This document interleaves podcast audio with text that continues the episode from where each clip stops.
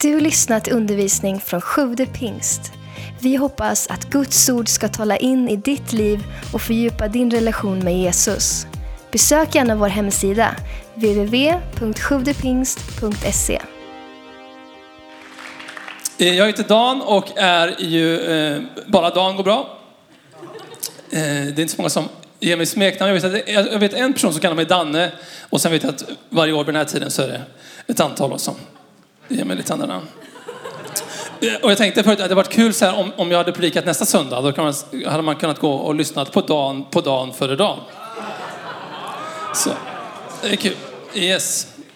Härligt. Eh, precis när vi klarat av de här namnskämten. Eh, på, på min plats står det gästtalare och eh, jag vet inte hur det går för erat eh, julbak. Men igår så hade vi, bakade vi och använde bland annat gäst.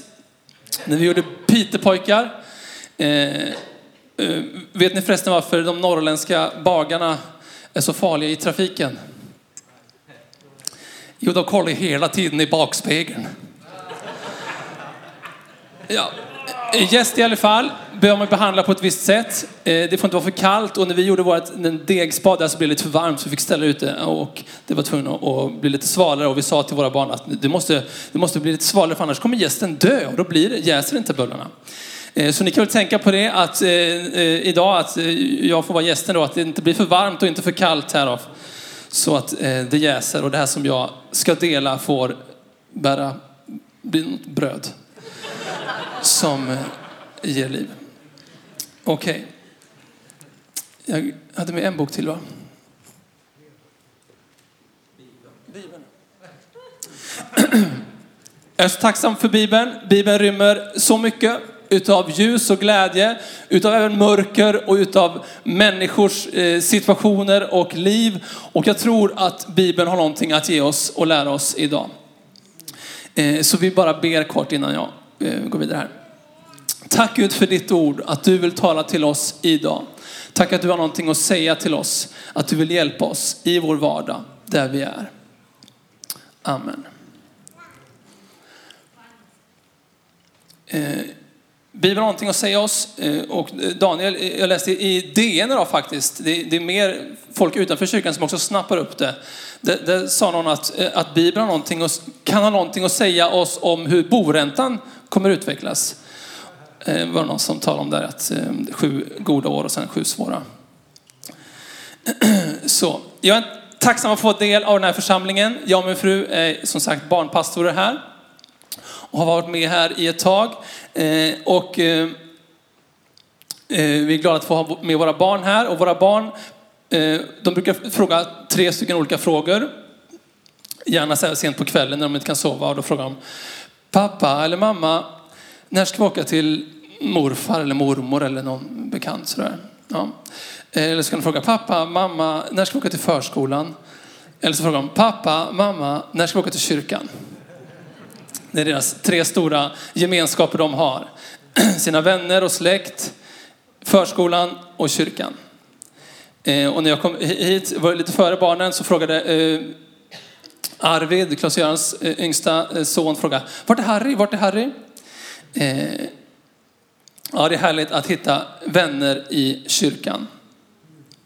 Jag är uppvuxen i Skara. Båda mina föräldrar är missionärsbarn.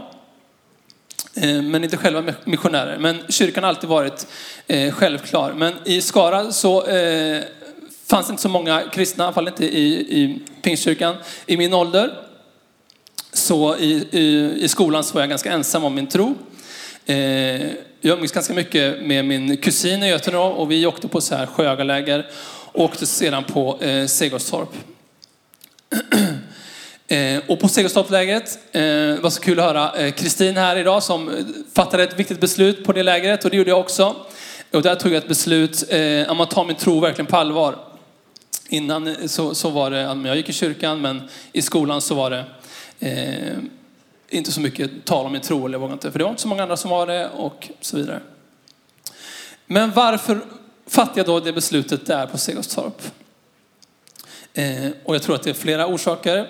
Det är en, eh, liksom ett härligt ställe, det är bra möten, bra undervisning, god mat. Eh, Men det, det viktigaste tror jag var att där hittade jag vänner som gjorde samma sak, som ville samma sak. Och jag tog det här beslutet eh, på väg in i, eh, när jag skulle börja gymnasiet. Och i gymnasiet började en helt ny klass, men jag var ganska snabb med att gå med i den här, kristna skolgruppen där. Och där hittade jag många vänner som tänkte samma sak och det gjorde att, min, att det bärde min tro och att eh, ha andra som, eh, som också ville vara tydliga med sin tro i skolan. Och det är det som jag vill prata om idag, att Gud vill att vi ska ha vänner. Vi närmar oss jul. Har ni koll på alla julklappar?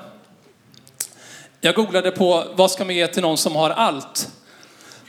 Och då kom det upp tre stycken bilder. En var det så här, en liten, äh, ingenting kan man ju köpa, det är bara ingenting. Och så var det en annan som var ingenting.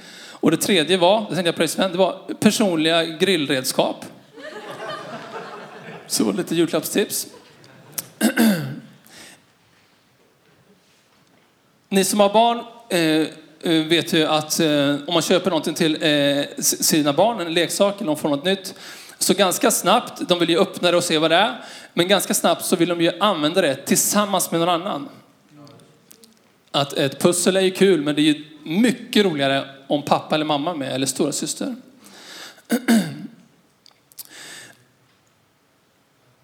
Och Gud svarar på den här frågan om vad ska man ge någon som har allt, eller vad ska man ge? Det är jag i, i, början, på, i början av Bibeln. Gud har skapat hela, eh, hela jorden, alla djur, alla växter och allting. Och så skapar han den första människan. Och jag tänker så här att det måste varit ganska gött för Adam där. Jag tänker så här, han, han ligger och sover, eh, han sover så länge han vill. Bara det. Fantastiskt. Och sen när han vaknar, ja men då kanske de tama aporna kommer ut och plockar lite frukt och lägger fram. Och, korna har mjölkat sig själva och gjort lite yoghurt. Och fåglarna har hämtat lite frön och gjort någon sån nyttig müsli som han eh, eh, äter. Och sen när han ätit det, ja, men då tar han sin tama leopard och rider till stranden. Och tar ett morgondopp med delfinerna och så vidare. Och förutom allt det så får han umgås och prata med Gud. Men om vi läser vad det står i första Mosebok 2.18 så märker Gud någonting tidigt.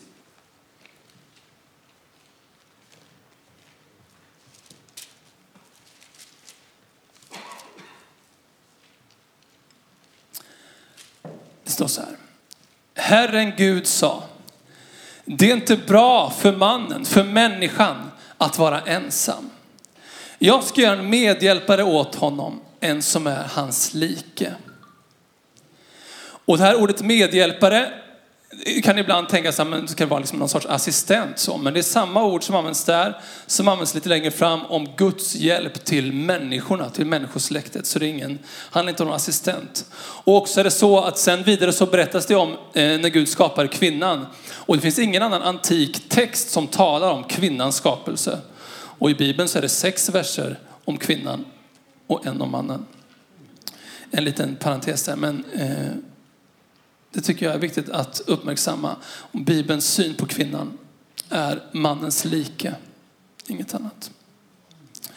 Och jag är glad att Gud så tidigt upptäcker att det inte är bra för människan att vara eh, ensam. Har du upptäckt det? Att det inte alltid är bra att vara ensam. Gud är i alla fall tidig i Bibeln med att säga det, att vi ska ha vänner. Och det är inte bara Gud som säger att det är bra med vänner. Utan nu säger även forskare och, och forskarna och vetenskap att vi ska ha vänner. Om man, om man googlar på eh, hur man ska eh, liksom, må bra, och ha ett bra liv, eh, då kommer det upp jättemånga tips om att ja, men du- ska träna och du ska äta det här. Och, Eh, det finns massa olika, men det är sådana som tjänar någonting på det. Men efter ett tag så hittar man också eh, studier och forskning som visar just hur viktigt det är med relationer, bra relationer. Eh, och det finns också studier som säger att det är lika bra att sluta röka som att ha, alltså om du röker, nej så här, det är, det är lika farligt att röka som att vara helt ensam och inte ha vänner för din hälsa. Eh, Och det finns också studier som säger att om du har, om du har en god vän på ditt arbete så kommer du jobba mycket bättre. Och jag är förmånen att få jobba både med min fru, vi har ju ett litet experiment kan man säga i vår familj, att vi ser hur mycket vi kan träffa varandra under vår livstid. och eh, eh, jag räknar på det och, och, och på, om, om, några veckor så har jag nog träffat Lollo mer än ja, hennes föräldrar. Eh, nej, men eh, i, i alla fall, vi, eh, vi är ju tillsammans på vårt jobb. Vi jobbar på förskola eh, och där har vi våra barn. Och när vi inte är eh, där så är vi ju också mycket engagerade i kyrkan och då är vi engagerade med barn. Och det är också våra barn som är med där. Och vi eh, trivs med det. Vi trivs med varandra. Eh, så. så det funkar för oss. Men i alla fall, har du goda vänner på ditt arbete i din omgivning så kommer du eh, prestera bättre i ditt jobb. Det finns också, eh, jag läste en, en krönika i, i, från New York Times där, där en, en skrev eh, som hade studerat några av de här senaste vansinnesdåden som varit i USA. Och upptäckte att, eh, man kan ofta läsa det, det var en enstöring. Han var ensam, han gjorde inte mycket väsen av sig och sen gör något sånt här. Eh, för att de här enstöringarna, eh, det är på något sätt ett nytt sorts ensamhet nu för tiden. Förr i tiden kanske man, då var man ensam, då var man själv ute i skogen. Nu är man ensam hemma och så har man sin dator och där kan man mata sig med det som precis passar mina åsikter och mitt tyckande. Och sen bara gör man det ännu större och starkare. Eh, och till slut så, så kan det bära en sån hemsk, hemsk frukt. Om man skulle haft goda vänner och pratat om de här åsikterna med, då kanske de skulle hjälpt till att justerat och utmanat och kunnat visa en annan väg.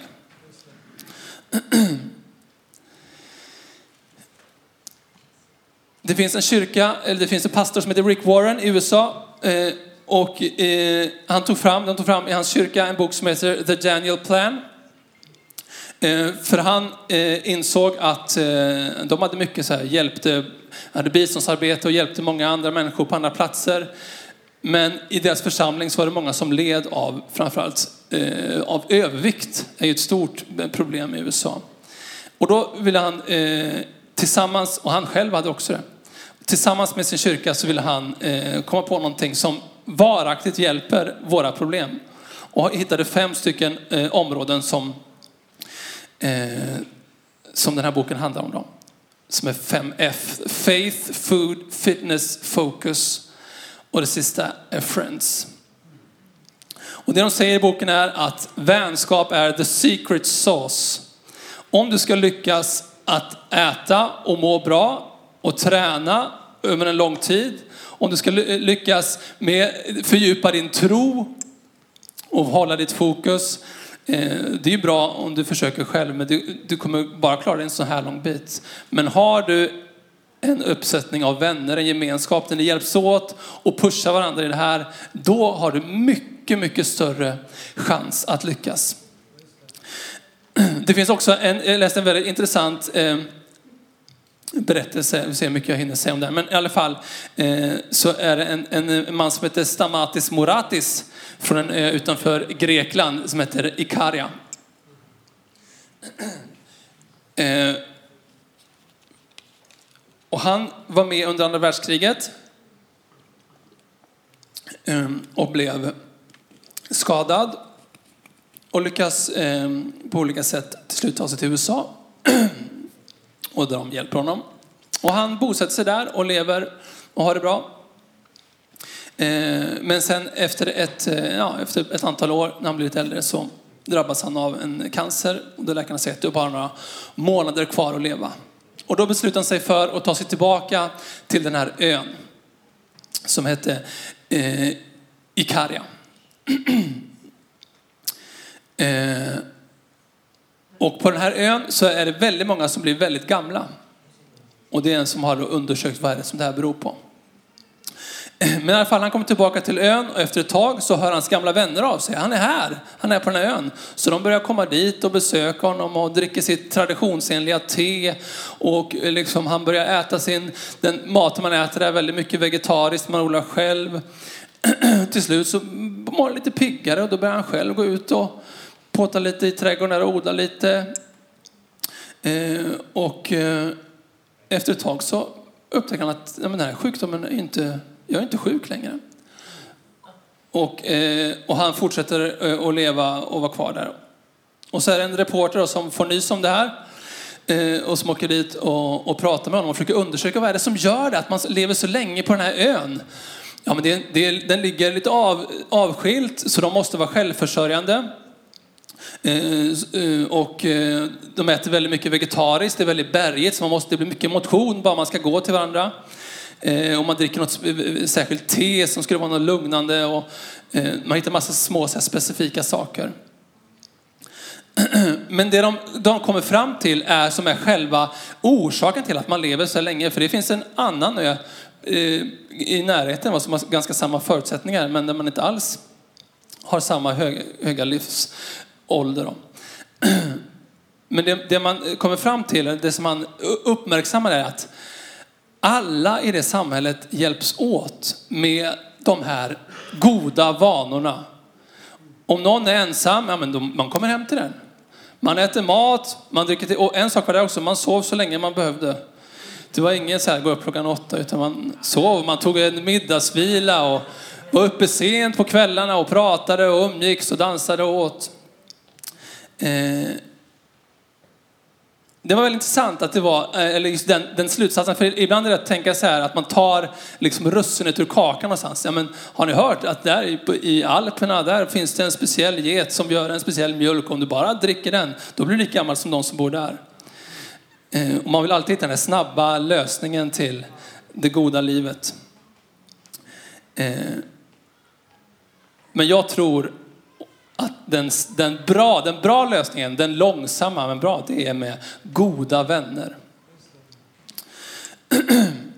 Och Gud vill att vi ska vara vänner. Jesus ger massa eh, bra tips. Väldigt mycket av hans undervisning handlar om hur vi ska vara mot varandra. Den gyllene regeln, gör mot andra så som du vill att de ska göra mot dig. Eh, när han ger, när de frågar vad är de viktigaste buden, då, då säger han älska Gud och så älskar din nästa. Det är oerhört nära Guds hjärta hur vi är mot varandra. Och när vi ber, när vi ber Gud om förlåtelse så säger han, då ska ni se till, har ni något oförlåtet med eran broder? Och ofta använder han ju de här termerna, liksom broder, alltså det är någon nära, det är någon nära, det är inte heller det är just en bror, men det är någon nära, någon vän som man har gjort illa. Och vi hittar också eh, tips i gamla testamentet, i predikaren 4, 9-10.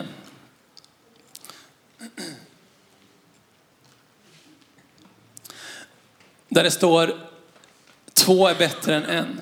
För de får god lön för sin möda och om de faller kan den ene hjälpa den andra upp igen.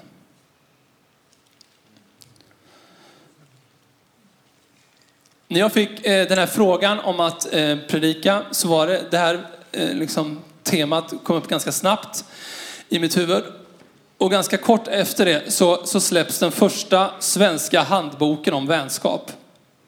Som heter Underbara krångliga vänskap. Eh, ta hand om dina livsnödvändiga vänskapsrelationer som Elin Liljero Eriksson har skrivit. Eh, och bland annat där så tar hon upp eh, under antiken, alltså vänskap är något som väldigt, under väldigt lång tid har varit väldigt viktigt och något väldigt, som håller väldigt högt och är väldigt vackert. Och Aristoteles eh, skrev flera böcker om vänskap. Och han pratade om tre stycken sorters vänskap som jag tycker var intressant. Och eh, det är inte så att, att man är antingen eller, men det är ändå, tycker jag var intressant att se på för att se eh, vilka vänner man har och vilken, vilken vän man är. Och han talade om nyttovänner, nöjesvänner och en nära vän. Och den nära vännen kallar han mitt andra jag.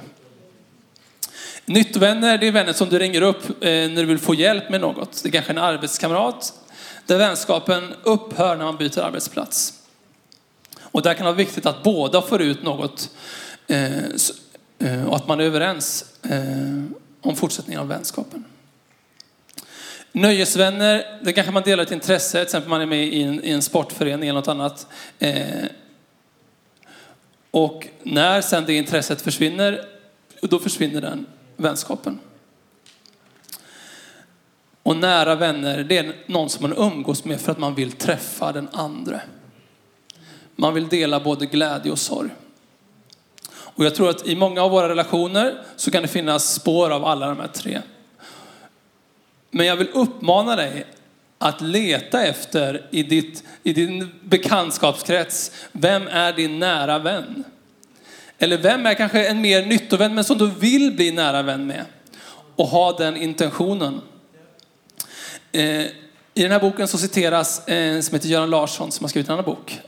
Eh, och han pratar om, eh, eh som jag tyckte var intressant, han pratar om eh, fem olika sorters samtal som man har liksom, beroende på hur nära vän man är. Sådär.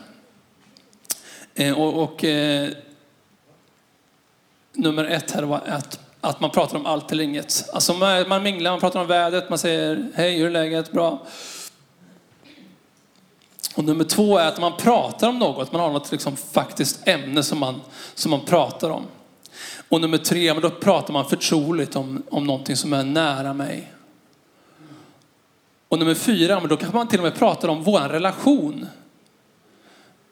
Som man kan göra eh, med sin fru, men man, det här är också något som man kan göra med en nära, nära vän. I alla fall vet jag att man kan tänka så. Ibland kanske det är svårt att faktiskt göra det. Men man kan tänka så om liksom, hur, vad har vi för relation egentligen? Jag trodde att vi var närmare vänner.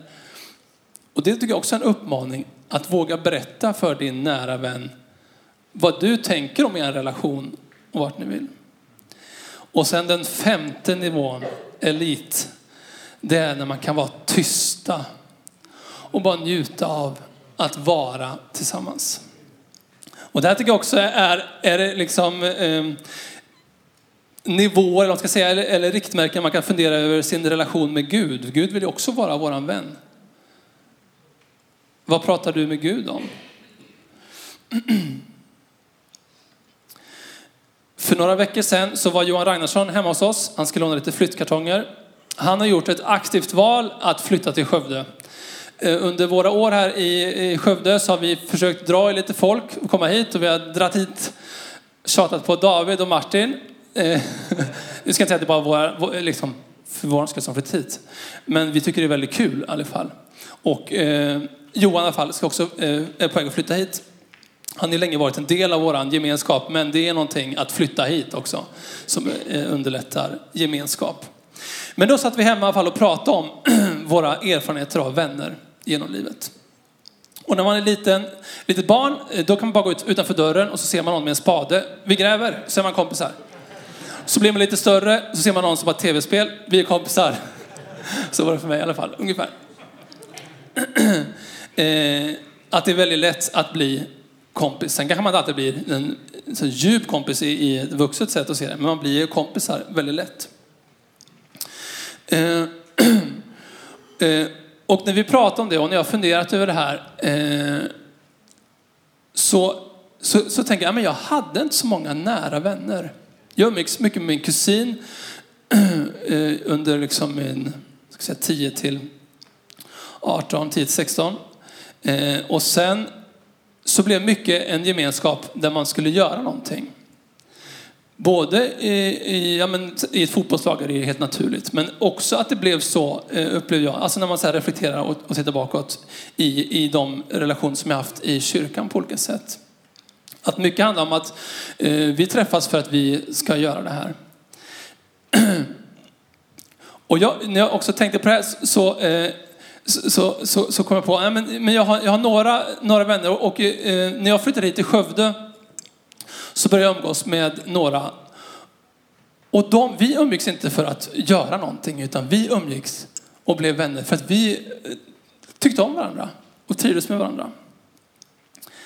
Eh, så tack Skövde för det, för vänner. Eh, och ibland så kan det vara eh, kan man fråga sig liksom, hur många vänner, jag har inte så många vänner, eller någon har jättemånga vänner. Hur många vänner ska man ha? Hur många vänner kan man ha? Och det finns lite statistik som ni alltid gör. Va? Eh, och någon hade eh, utforskat detta att eh, i, genomsnitt så har man fem riktigt nära vänner, 15 bästa vänner, 50 goda vänner, 500 bekanta och 1500 som vi typ känner igen. Eh,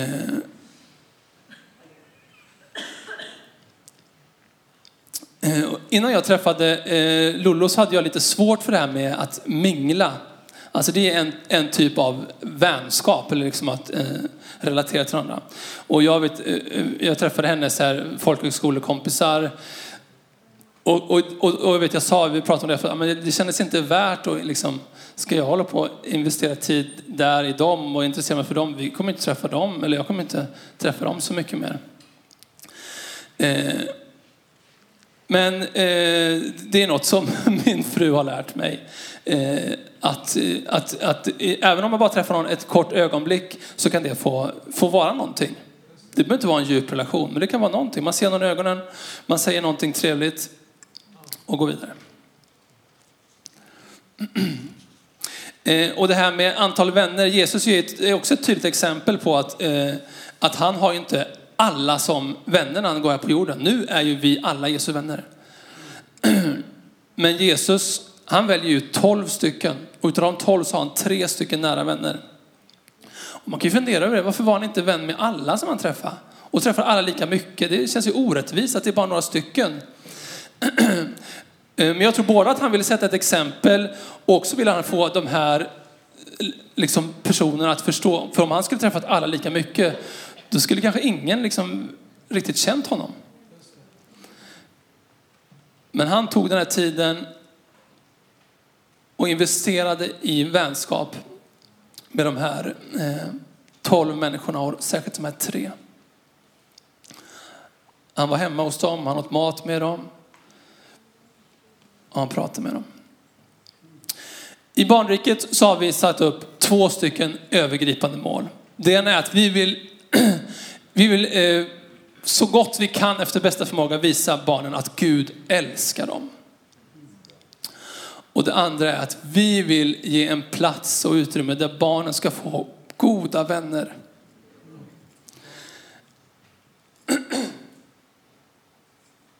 Och jag var så glad eh, för några, eh, några veckor, vi har haft så här fredagsmys, det var just vi vill skapa mötesplatser. Och så var det två små tjejer eh, som har träffat kyrkan jättemycket, massa söndagar. Men ofta är det lite för knapp tid. Man hinner liksom vara lite nervös och titta lite på varandra och sen i slutet, ja men då hinner man leka lite grann. Och sen nästa söndag är man på samma avstånd igen och så.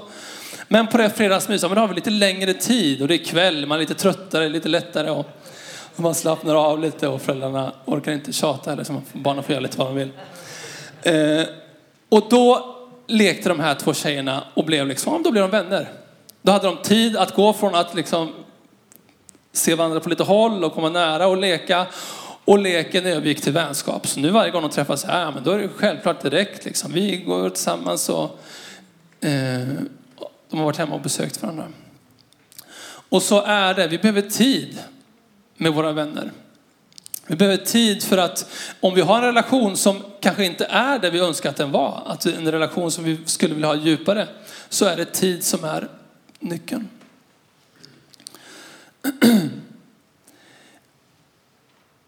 Och det är också, eh, också sunt och bra att ha rätt förväntningar på en vänskap. Så inte jag har de här höga förväntningarna och min vän har de här förväntningarna. Utan att man hittar, alltså både i kommunikation då, tar reda på och ser vilka vänner är vi. Jesus hade nära vänner. Och han uppmuntrar oss att ha det. Det är två tillfällen då han, som det nämns i Bibeln i alla fall, det fanns säkert fler tillfällen, men då han tar med sig bara de här närmaste vännerna. Och det är när han är uppe på Uppenbarelseberget och han pratar med Mose och Elia och Gud själv talar där. Då tar han med sig eh, sina tre närmsta vänner, Petrus, Johannes och Jakob. Och det är också, och det var liksom på något sätt en av Jesus höjdpunkter i alltså fall utifrån sett. Och han mådde nog väldigt bra där, kan jag tänka mig också. Och han väljer att dela det med de här tre nära vännerna. Och sen är det när Jesus inför korsfästelsen, korsfästelsen har sin tungaste stund, när han går till ett semane och ber om det går så låt den här kalken gå förbi mig. Då har han med sig de tre närmaste i den tuffaste stunden.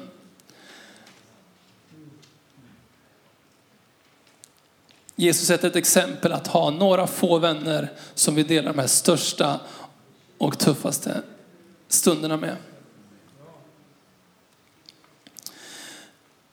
I judisk tradition så värderar man särskilt den vän som du kan studera skrifterna med.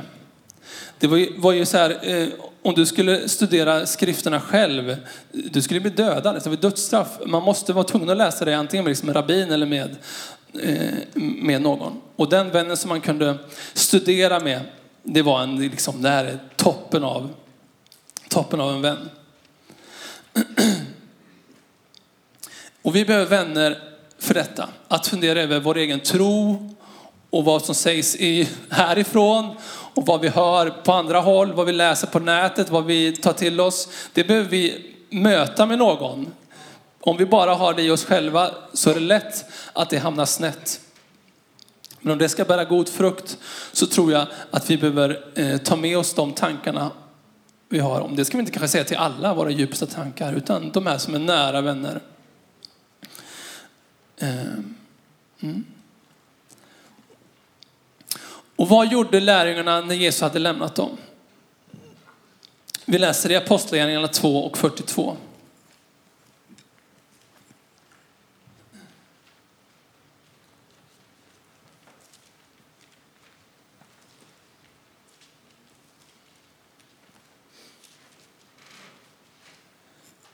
De höll troget fast vid apostlarnas lära och gemenskapen vid brödsbrytelsen och bönerna. Det här ordet gemenskap är ordet koinonia. Nu, nu vi, för några år sedan hade vi 100-årsjubileum här och då hade jag och min fru förmånen att få med och arbeta lite med musiken där. Och då var även Agne Ravik med. Och han är ju en smart man och taktisk. För vi skulle ta med oss låtförslag. Tankar så här, vilka låtar ska vi ha med och sjunga? Och han tog med sig en låt. Så, ni, kan, ni kan följa alla andra låtar, men den här låten tar jag med. Eh, och den hette just Koinonia. Som handlar om en gemenskap eh, som inte är av tvång, utan som är av kärlek. Eh, en gemenskap där man är delaktig, djup delaktighet. Och så var det för lärjungarna. De hade fester hemma, de träffades i hemmet och åt och, och gladdes med varandra. De delade på allt, de hjälptes åt. Jag läste en, en, eh, någon som skrev en, en debatt eller insändare någonting i dagen, jag kommer inte ihåg exakt hur det var, men som pratade om just det här med bistånd. Som, som sa, men vi, vi gör inte bistånd, vi gör vänskap. Det är inte ett, liksom ett projekt där vi måste eh, liksom, eh, sätta till en, någon grupp och det ska vara administreras, utan vi gör vänskap. Som lärjungarna gjorde, vi, vi hjälps åt. Om någon i våran gemenskap lider, vi hjälper honom. Inte för att det är ett projekt för missionsgruppen eller någonting, utan för det är vänskap.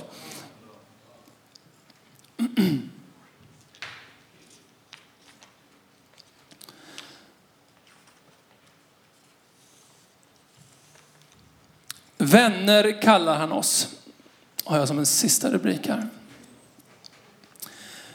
I Johannes 15 och 15.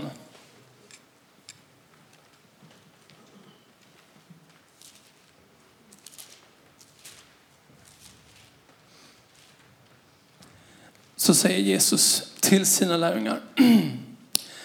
Jag kallar er inte längre tjänare eftersom tjänaren inte vet vad hans herre gör. Vänner kallar jag er. Till allt vi har hört min fader har jag låtit er veta. Ja, men det är klart han säger så till dem. Det var ju hans lärjungar. De har varit med honom. De har gjort massa grejer för honom. Klart han ville vara vän med dem. Klart han kallar dem för sina vänner. Jag kan ju inte allt det där. Så kan vi tänka om vår relation till Gud och så kan vi tänka om vår relation till andra människor också. Nej, men jag kan inte gå och prata med den eller jag kan inte bli vän med, med han eller hon. Jag har ju bara det här, jag har ju nästan ingenting. När Gud uppenbarar sig för Mose i den brinnande busken och Mose frågar, men vem ska jag säga har sänt mig? Vad, vad heter du? Då säger Gud, jag är, eller jag är den jag är. Han säger inte, jag kan allt det här, jag har de här egenskaperna och färdigheterna. Utan han säger, jag är. Och det är den han kallar oss att vara. Ytterst sett är vi skapade till hans avbild. Vi är de vi är, han är, jag är och vi är de vi är. Och det är oss han kallar vän. Magnus Malm skriver i en bok som heter Fri att tjäna så här. Han talar om relationellt ledarskap och han talar om gemenskap. Om arbetet är allt blir alla relationer bedömda utifrån sin nyttighet, vare sig det handlar om relationen till Gud eller till människor. En avgörande fråga, är jag värd att vara tillsammans med? Först när jag av hjärtat kan svara ja på den frågan öppnar sig vänskapen i egentlig mening med Gud och med människor.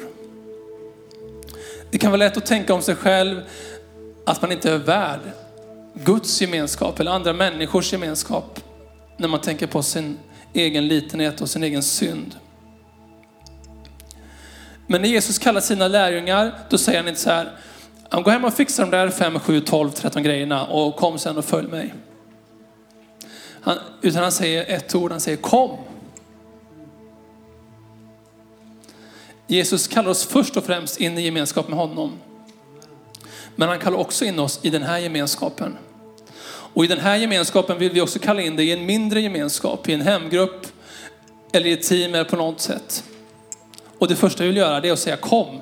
Kom in i gemenskapen, inte säga så här, ah, vad är du för, för, eh, för liksom färdigheter och utrustning och så vidare. Utan främst är det i en äkta gemenskap där vi delar livet. Jesus säger kom.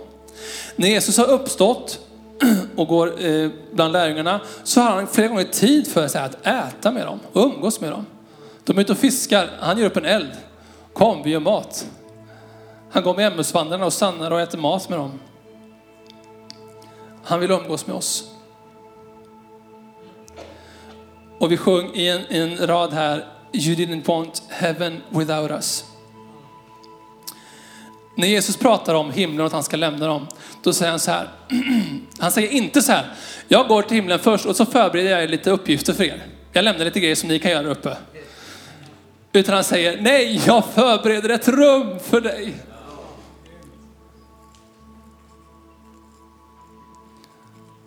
Han vill ha, fortsätta den här gemenskapen i ett rum i himlen med oss. Tack för att du lyssnat. Glöm inte att du alltid är välkommen till vår kyrka. Du hittar mer info på www.sjuvdepingst.se